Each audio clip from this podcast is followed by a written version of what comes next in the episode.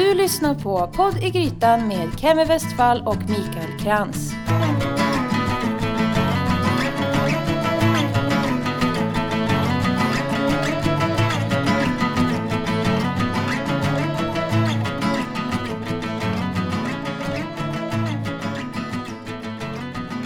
börjar vi med hej och välkommen till Podd i Grytan. Tack. Jag heter Kevin Westfall och du heter Mikael Krantz. Precis. Och idag sitter vi på olika håll Ja, och spelar in eh, en podd. ja, det är rätt konstigt egentligen. För vi jobbar ihop nästan varenda dag. Och får egentligen inte riktigt till den där extra tiden för att kunna spela in en eh, podd. Nej. Och det är väl i och för sig bra. Jo, det betyder att vi eh, jobbar ordentligt när vi är på jobbet. Ja, precis. Och följt upp med massa andra saker efter jobbet. ja, Mm. så ligger det till. Mm. idag ska vi prata om örter. Mm. Kan det vara så illa att vi ska prata om det? Örter, ja. Eller växter, örter. Ja, alltså, ja, vad går... Alltså, vad, vad kännetecknar en ört? Eller vad, vad, när blir en växt en ört? Vet du det? Nej, det vet jag inte alls. Nej? Eh, Okej, jag trodde du, du hade svaret. Det- Nej, nej, nej, nej. Jag, bara, jag, blev, jag blev lite bara förvirrad över eh, Det själva... säger så här. Ja, En ört är en växt med oförvedad stam. Så det är enkelt alltså hur den, hur den ser ut. ja just det. Så att den är så att säga typ mjuk. Precis. Den har alltså, den har ing, alltså någonting som är, har för, som är förvedad. Ja, Den har en stam med, invänd, med ved invändigt och bark utvändigt.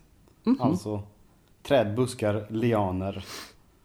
Men de flesta örter är oförvedade. Så det är ju ganska mycket som skulle kunna räknas som en ört då. ja.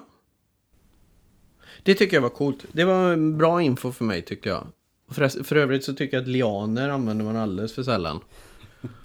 Både när man pratar och alltså fysiska lianer.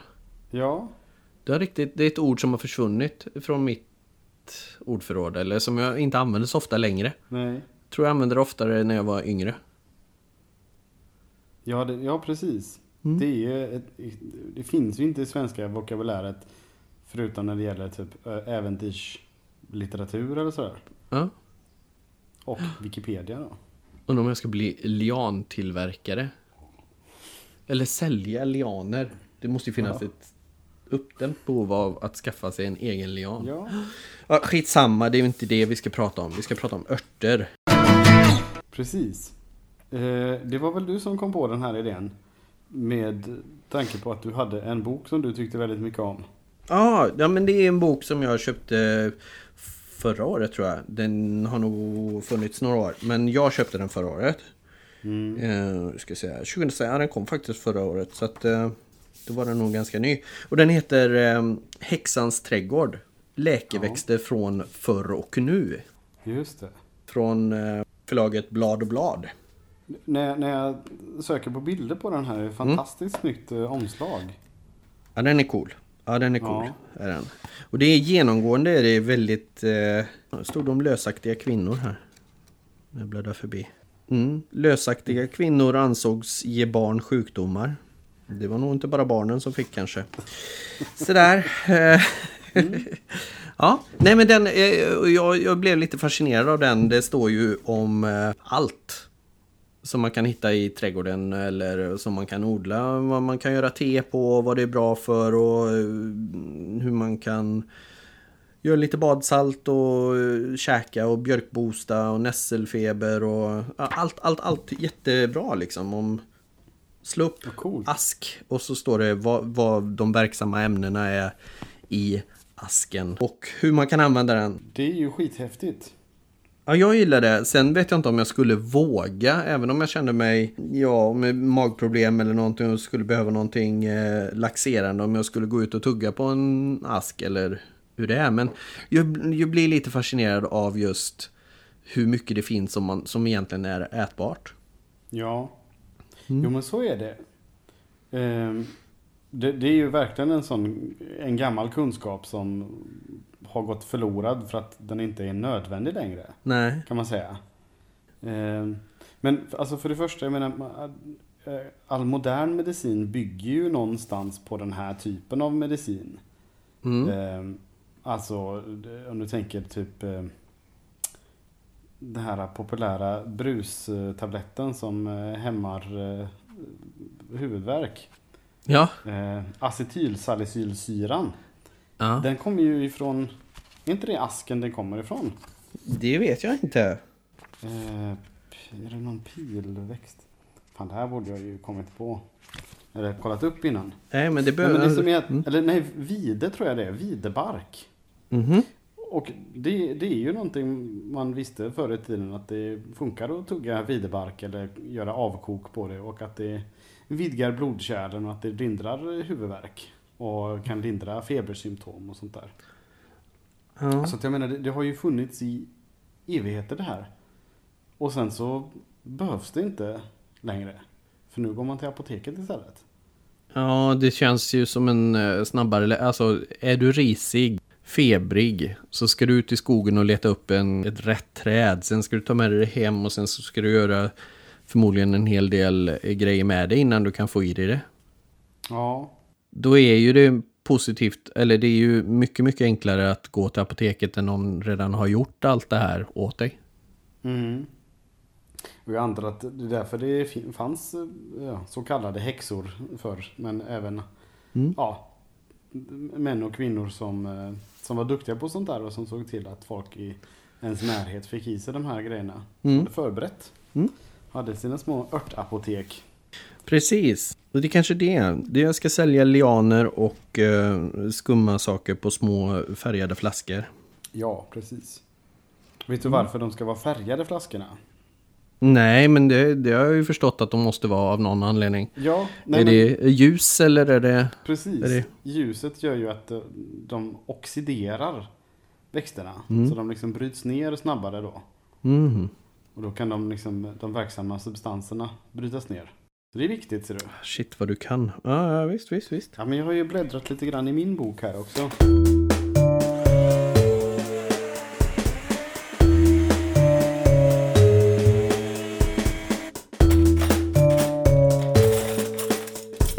Precis, och vad är det för bok?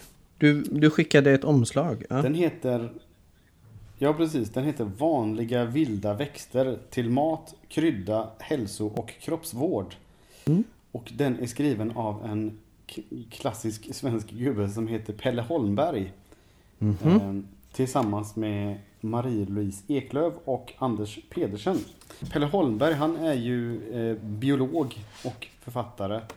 Hon kallar sig även för folkbildare här i, i inledningen. Mm. Eh, men han är ju egentligen mest känd som svampexpert. Den här Pelle.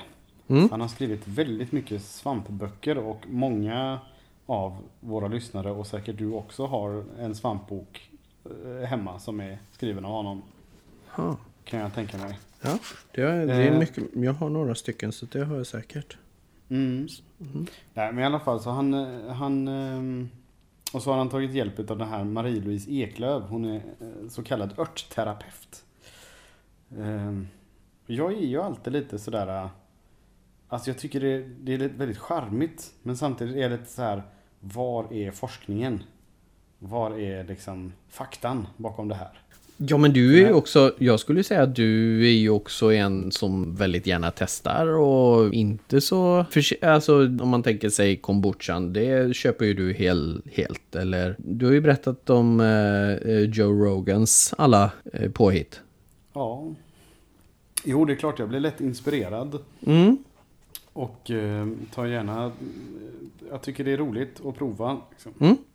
Alltså jag gör ju inga dumdristiga grejer. Jag, Nej. är ju väldigt försiktig om jag skulle plocka någonting ute i naturen. Så.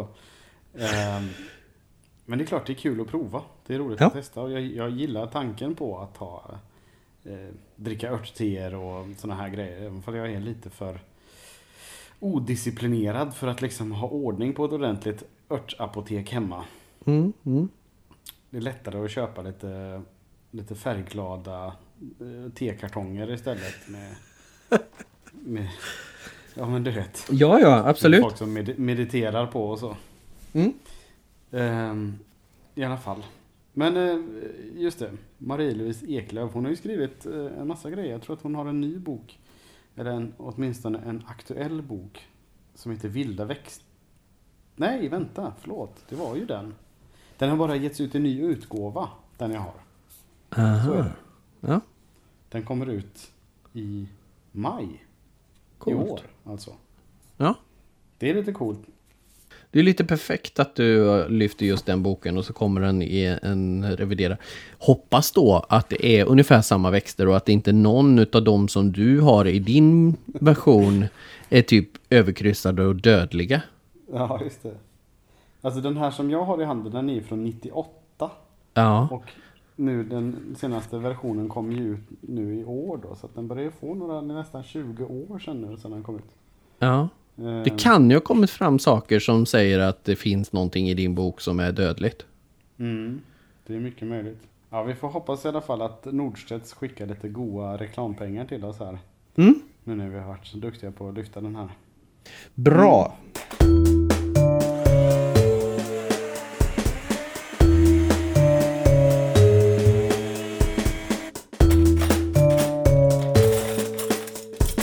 Nu har vi pratat rätt mycket om eh, böckerna och eh, mycket runt om. Men eh, finns det några växter egentligen som du... Alltså om, om, om du skulle gå ut i trädgården eller skogen eller någonstans. Finns det några som du bara rakt av skulle bestämma dig för att ja, men det här skulle jag kunna plocka och ta med mig in och göra någonting med?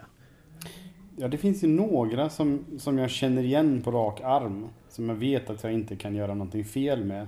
Ja, Alltså, jag var faktiskt ute igår i skogen lite med, med min pojke Edvard och några vänner. ja. Och käkade harsyra. Mm. För det är ju någonting som vi känner igen och som växer lite överallt och som är väldigt trevligt. Eh, Finns det någonting som den är bra för? Alltså själva harsyran, vet du det? Är det finns det något... Eh, jag ska... Finns den med i din bok? Den, den finns med. Eller det, finns, den, finns den bara typ som en... Den här går att äta? Ehm, jag har, ja, precis. Jag fick just upp den här. Mm. Eh, men det, det står väldigt, väldigt lite om den för att den är liksom kanske lite menlös egentligen. Ehm, nej, det står egentligen ingenting om, eh, om någon uh, hälsoeffekt Nej. utav det. Det står däremot att om man har problem med ju- njursten ska man undvika harsyra, men det har jag inte. Nej. Det är ganska skönt. Mm. Eh, nej, utan det är mer att den är, den är god. Det är liksom sallader och Mm. soppor och sådär. För att det är ju liksom Mm. små, alltså jag försökte beskriva det för några barn igår. Att det smakar som en blandning av sallad och citron. Alltså den är, Smart. Ja, ja, det är Ja. bra. Bra, för, bra beskrivning tycker jag. Mm, för den är inte bitter någonstans. Utan Nej, den är lite sur. Syrlig. Ja. Ty, tydlig syra liksom. Mm. Eh, men det, ja, nej. Eh, ett annat tips de skriver om här att i överlevnadsmat, Mm. där man äter, ofta kan äta så här beska rötter och bittra lavar, lavar Mm. så kan harsyreblad bli en välkommen smaksförbättrare. Så det kan vara bra att komma ihåg ifall man ska trycka i sig någon, någon bark eller något sånt. Att Precis. strö över lite harsyra så blir det gött. Det är ju skitsmart. Mm. Så det, det, är ju en, det är ju en som jag tycker om. Eh, för den känner jag igen. Eh, Mm. Sen har jag lite erfarenhet med maskros också. Eh, Vad det är kul att du säger det, för jag har precis varit ute och plockat. är det sant? Ja, ja, ja. Sen vi började åka till Tyskland så har maskros verkligen blivit en favorit. Mhm. Hur, hur använder ni den då? Alltså, eh, som... Jag skulle inte säga som rucola, för rucola är något helt annat. Men en schysst pasta med maskrosblad och någon mozzarella och lite peppar och lite sådär. Alltså som, ja, nej men funktionsmässigt lite som, som en rucola. Mm. Okej. Eller en pesto eller... Men det är gött att strö över maten? Eller så? Eller? Ja, absolut. Ja. Och sen är det ju mycket coolare.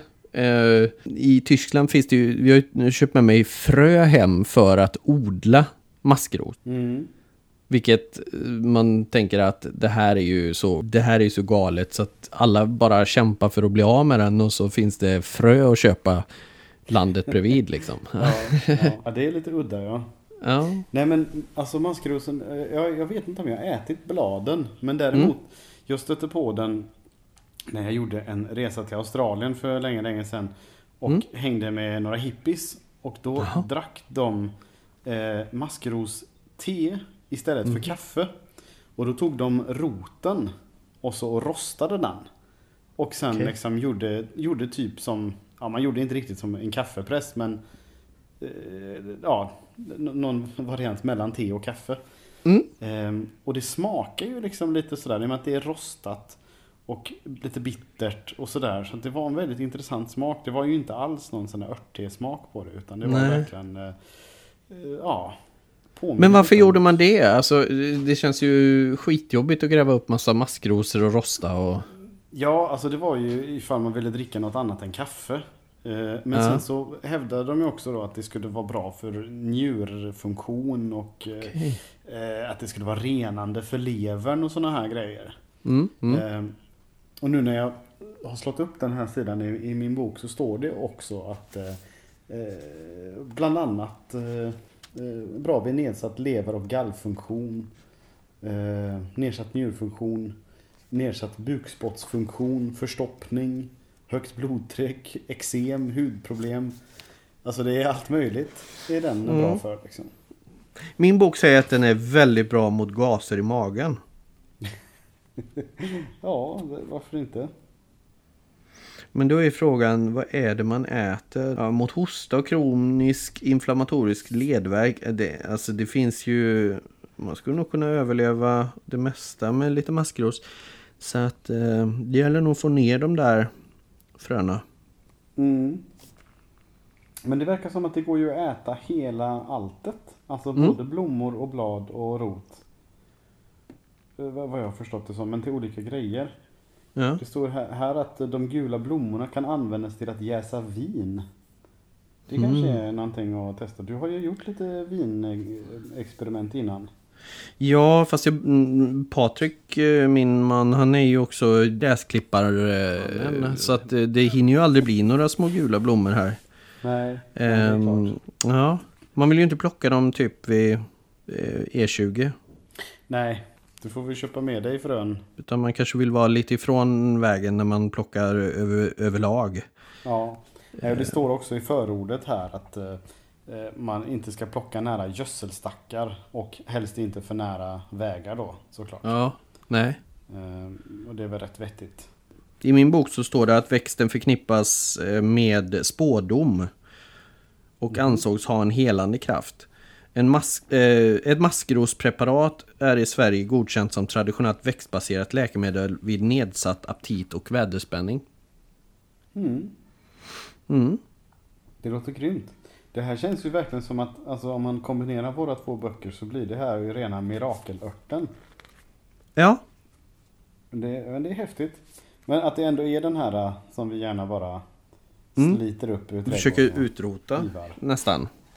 Mm, kan man sitta där med prutt i mage sen. Ja, precis. Sen har jag en sista, en annan ört också som jag vill ta upp. Ja. Ehm, som också, som jag eh, har plockat någon gång men inte använt själv utan det är min mamma. Hon är ju lite, lite hobbyhäxa. Ja, Eh, och det är johannesört. Och yes. den har hon använt till att göra snaps. För det Ja, är ju mm. Tydligen en, liksom en, det är en bra snapskrydda. Den har ju, den är ju rätt, eh, som många sådana här örter, bitter. Och Bitter tänkte jag säga lite- precis ja. ja. Mm. Men ehm, den används ju som ett naturligt antidepressivum. Så Mhm. morsan hon brukade göra sådana här små eh, johannesört-snapsflaskor och skriva antidepressivum på och skänka bort och sådär. Det är Mm. väldigt populärt. Mm. Ehm, Nej, det är ju- ingen som blir ledsen av en liten snaps tänker jag. nej men det är ju det. Men tydligen så är den, är den bra, vid, bra vid måttliga depressioner, klimakteriebesvär, känslighet för väderomslag, psykosomatiska sjukdomar, sängvätning, irritation i mage, tarm, brännskador, solskador, led och muskelsmärtor. Så det är ju fantastiskt. Eh, och den är också rätt, eh, rätt så lätt att känna igen. Den, eh, och är det så att man tror att man har hittat en johannesört så kan man ju prova att klämma lite på blommorna. Och blir man då lite så lila om fingrarna så har du hittat rätt. Så att även om Mm, blommorna är gula så blir man lite sådär lilaaktig om fingrarna och då vet man att det är johannesört. Mm. Johannesört, här är bara ett litet kort citat att johannesört kallas även mansblod på grund av det vackert röda färgämnet hypericum. Ett av de verksamma ämnena i växten. Jaha. Ja, det är ju grymt spännande eh, med alla de här. eh, Ju mer man funderar på det, desto mer ofattbart är det ju att man inte liksom tar tillvara på de här sakerna. Ja. Ja, men, men det är ju, det, det handlar ju om eh, behov helt enkelt. Mm.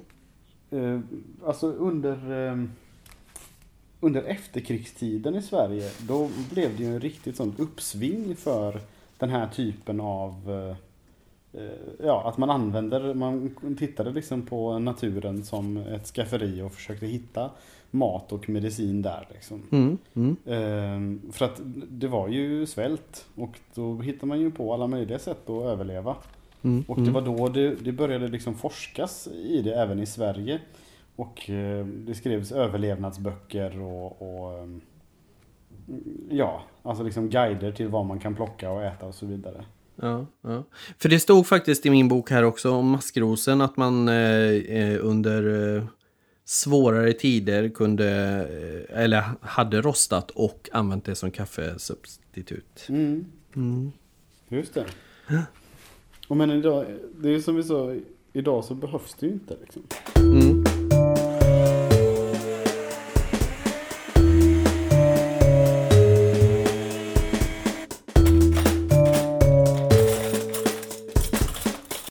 Men du, någonting som jag har varit sugen på eh, att testa, det är ju ehm, lavar. Och i min fina bok här så finns det ett recept på lavbröd. Okej.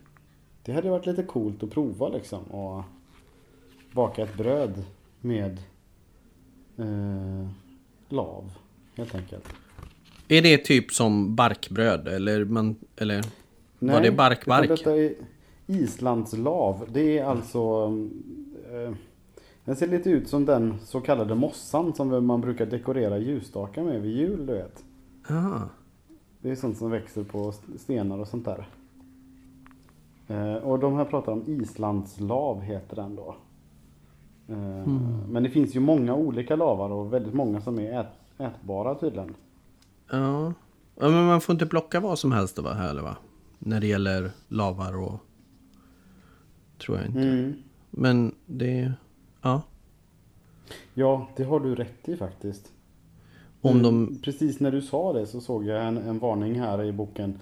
Lavar växer långsamt och av naturvårdsskäl ska man därför vara försiktig med att skörda lavar. Ja, man får inte plocka hur som kris- helst. Nej, precis.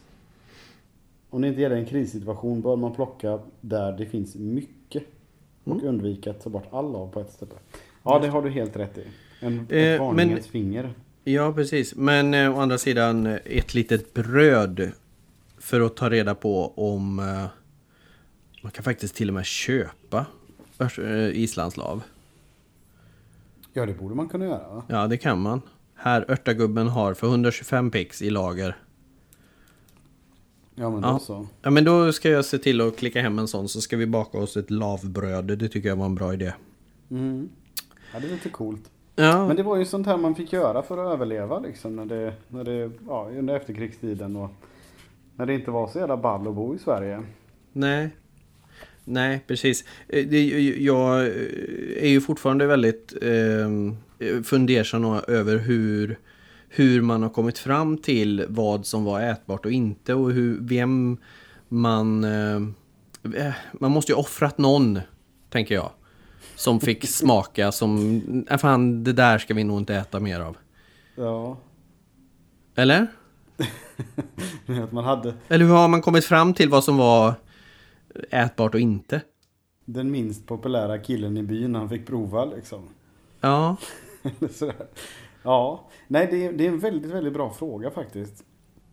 Man kan, alltså, jag skulle kunna tänka mig att man kanske delvis gick på eh, att man studerade djur förr i. Mm. När man levde mer i naturen så kunde man ju titta på vad äter djuren. Det kan ju vara en bra grej att, att kolla liksom. För om inte Mm. de dör så är det ju ganska, det är ju mindre risk att man själv dör. de äter jävligt mycket sådda grönsaker och tulpaner. ja, just det.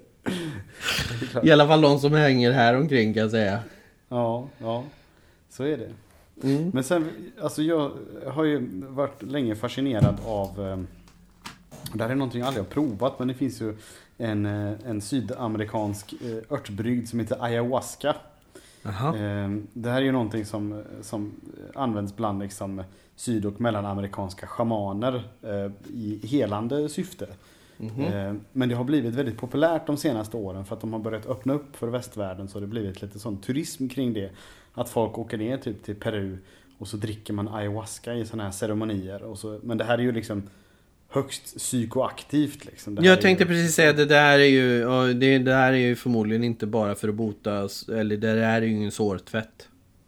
Nej, nej, nej, nej, det är det inte. Men däremot är det ju Vissa jämför det liksom med psykoterapi fast Mm. komprimerat liksom i, till några timmar. Okej. Eh, och vissa mår bara illa och tycker inte alls det är ball. Liksom. Sådär. Men i alla fall, men om man frågar en, en sån shaman som jobbar med det här. De säger ju att det var växterna som berättade för oss att man skulle ta de här. För det här, och frågan har ju också uppkommit. Hur, hur kan man liksom i Amazonas veta att man ska kombinera de här två eller tre växterna Mm. för att få fram det här teet då som har den här Ja? Utan de hävdar att det var växterna som pratade med dem och berättade det för dem. Men Ja. det, det är ju ingen bra Förr vetenskaplig i tiden så förklaring. skulle man kanske bli inspärrad om man sa något sånt, men eh, Ja, jag tror det. lite mer liberala nu. Ehm, mm. Nej, så att jag har ingen bra fråga på det, men jag antar att man, det är väl mycket trial and error som du säger. Mm, mm. Man provar att käka något och så ser man hur det går.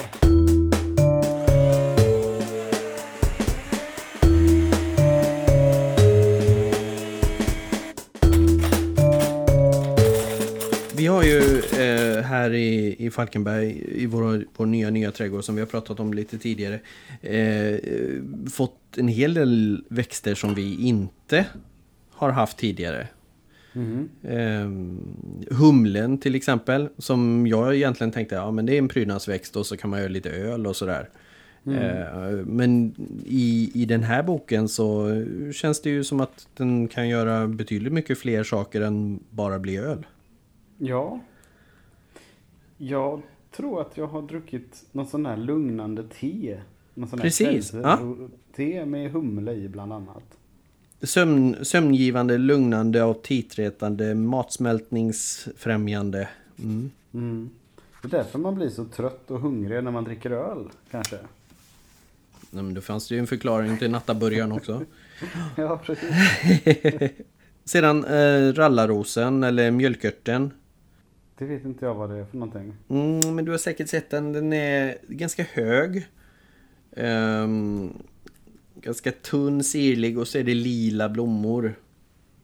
Ehm, Mjölkört, rallaro. Det, det, det får du nästan kika, googla. Ja, jag kan, jag ja, har ingen bra förklaring egentligen. Den påminner lite om... Eh... Fan, nu tappar jag ordet.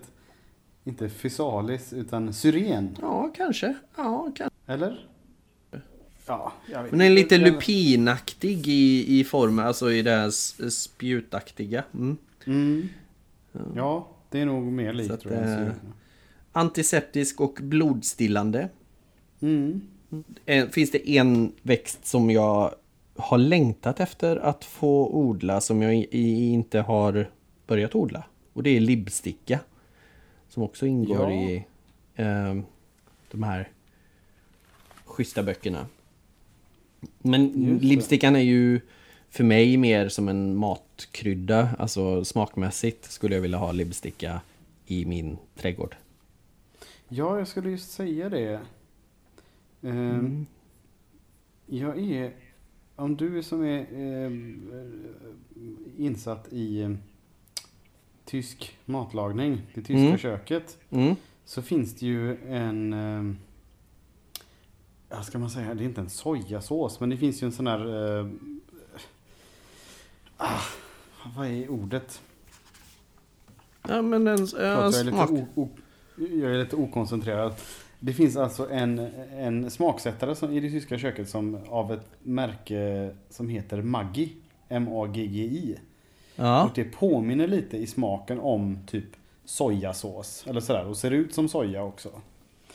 Och den är kryddad med libsticka. För att på tyska så heter den Maggi Kraut. Gör den det? Ah. Ja.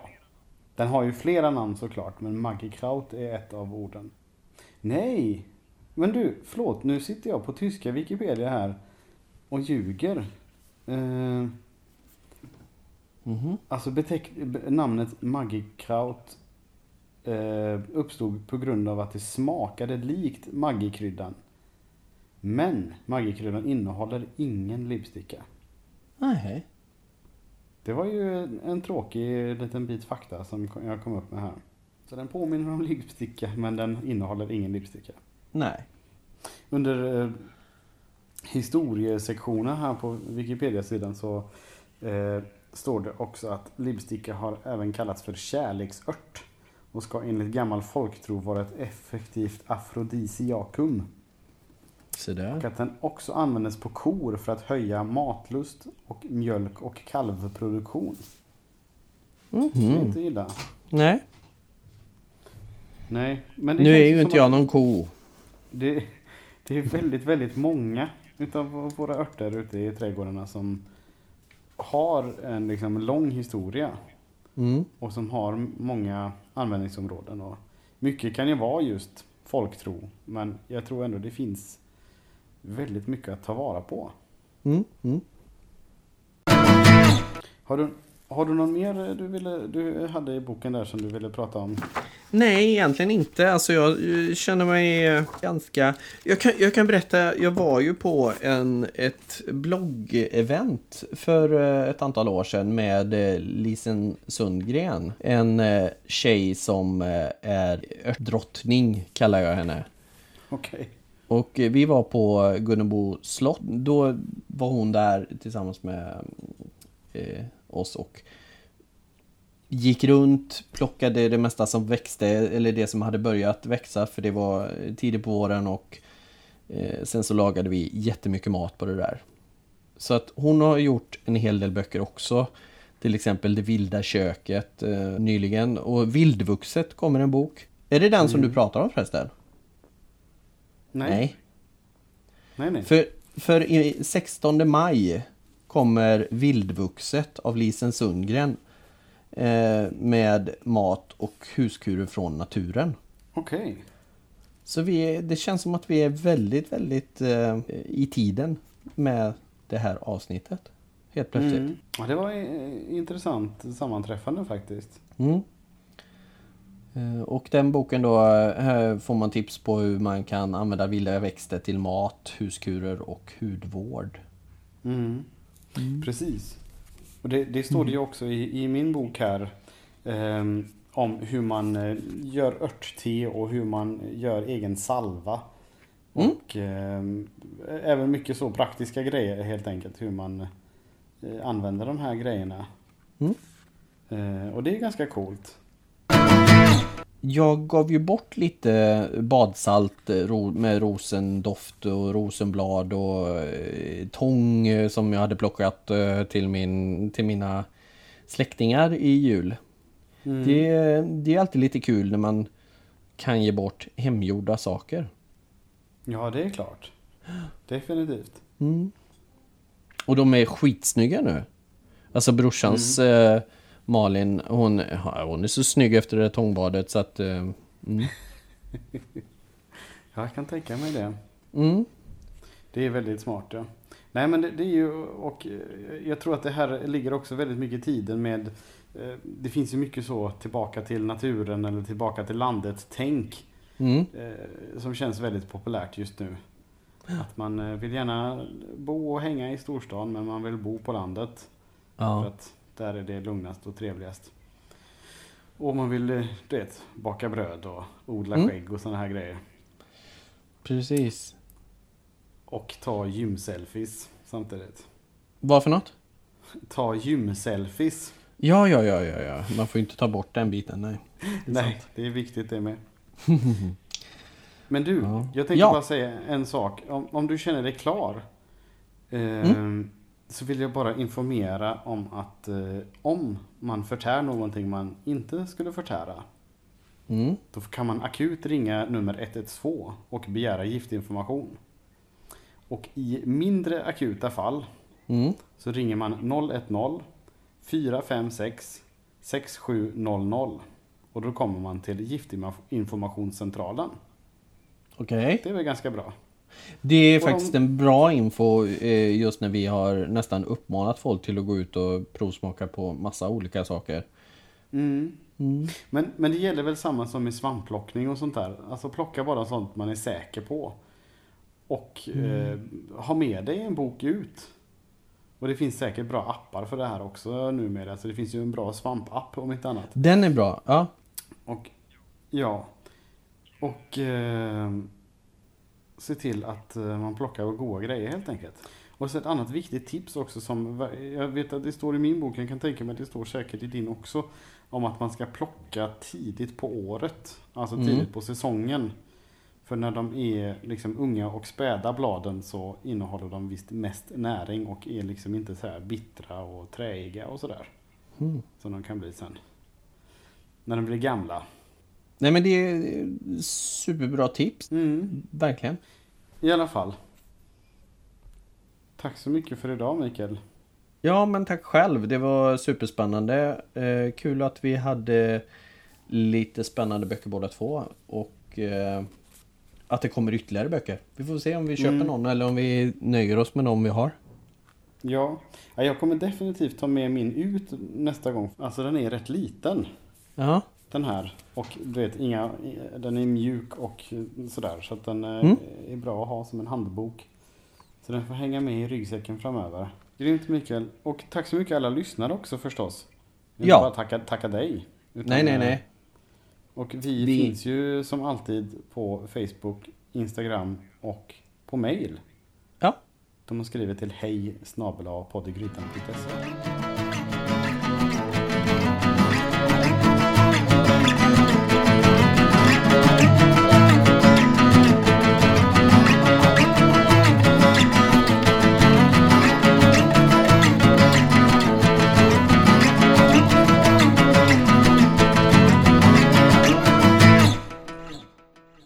Var det Jag någonting... fastnade på... Förlåt? Nej, jag fastnade på Örtagubbens hemsida här, han med lav. Eh, och eh, det fanns så mycket roliga spännande saker så att nu behöver jag nog nästan lägga en liten order.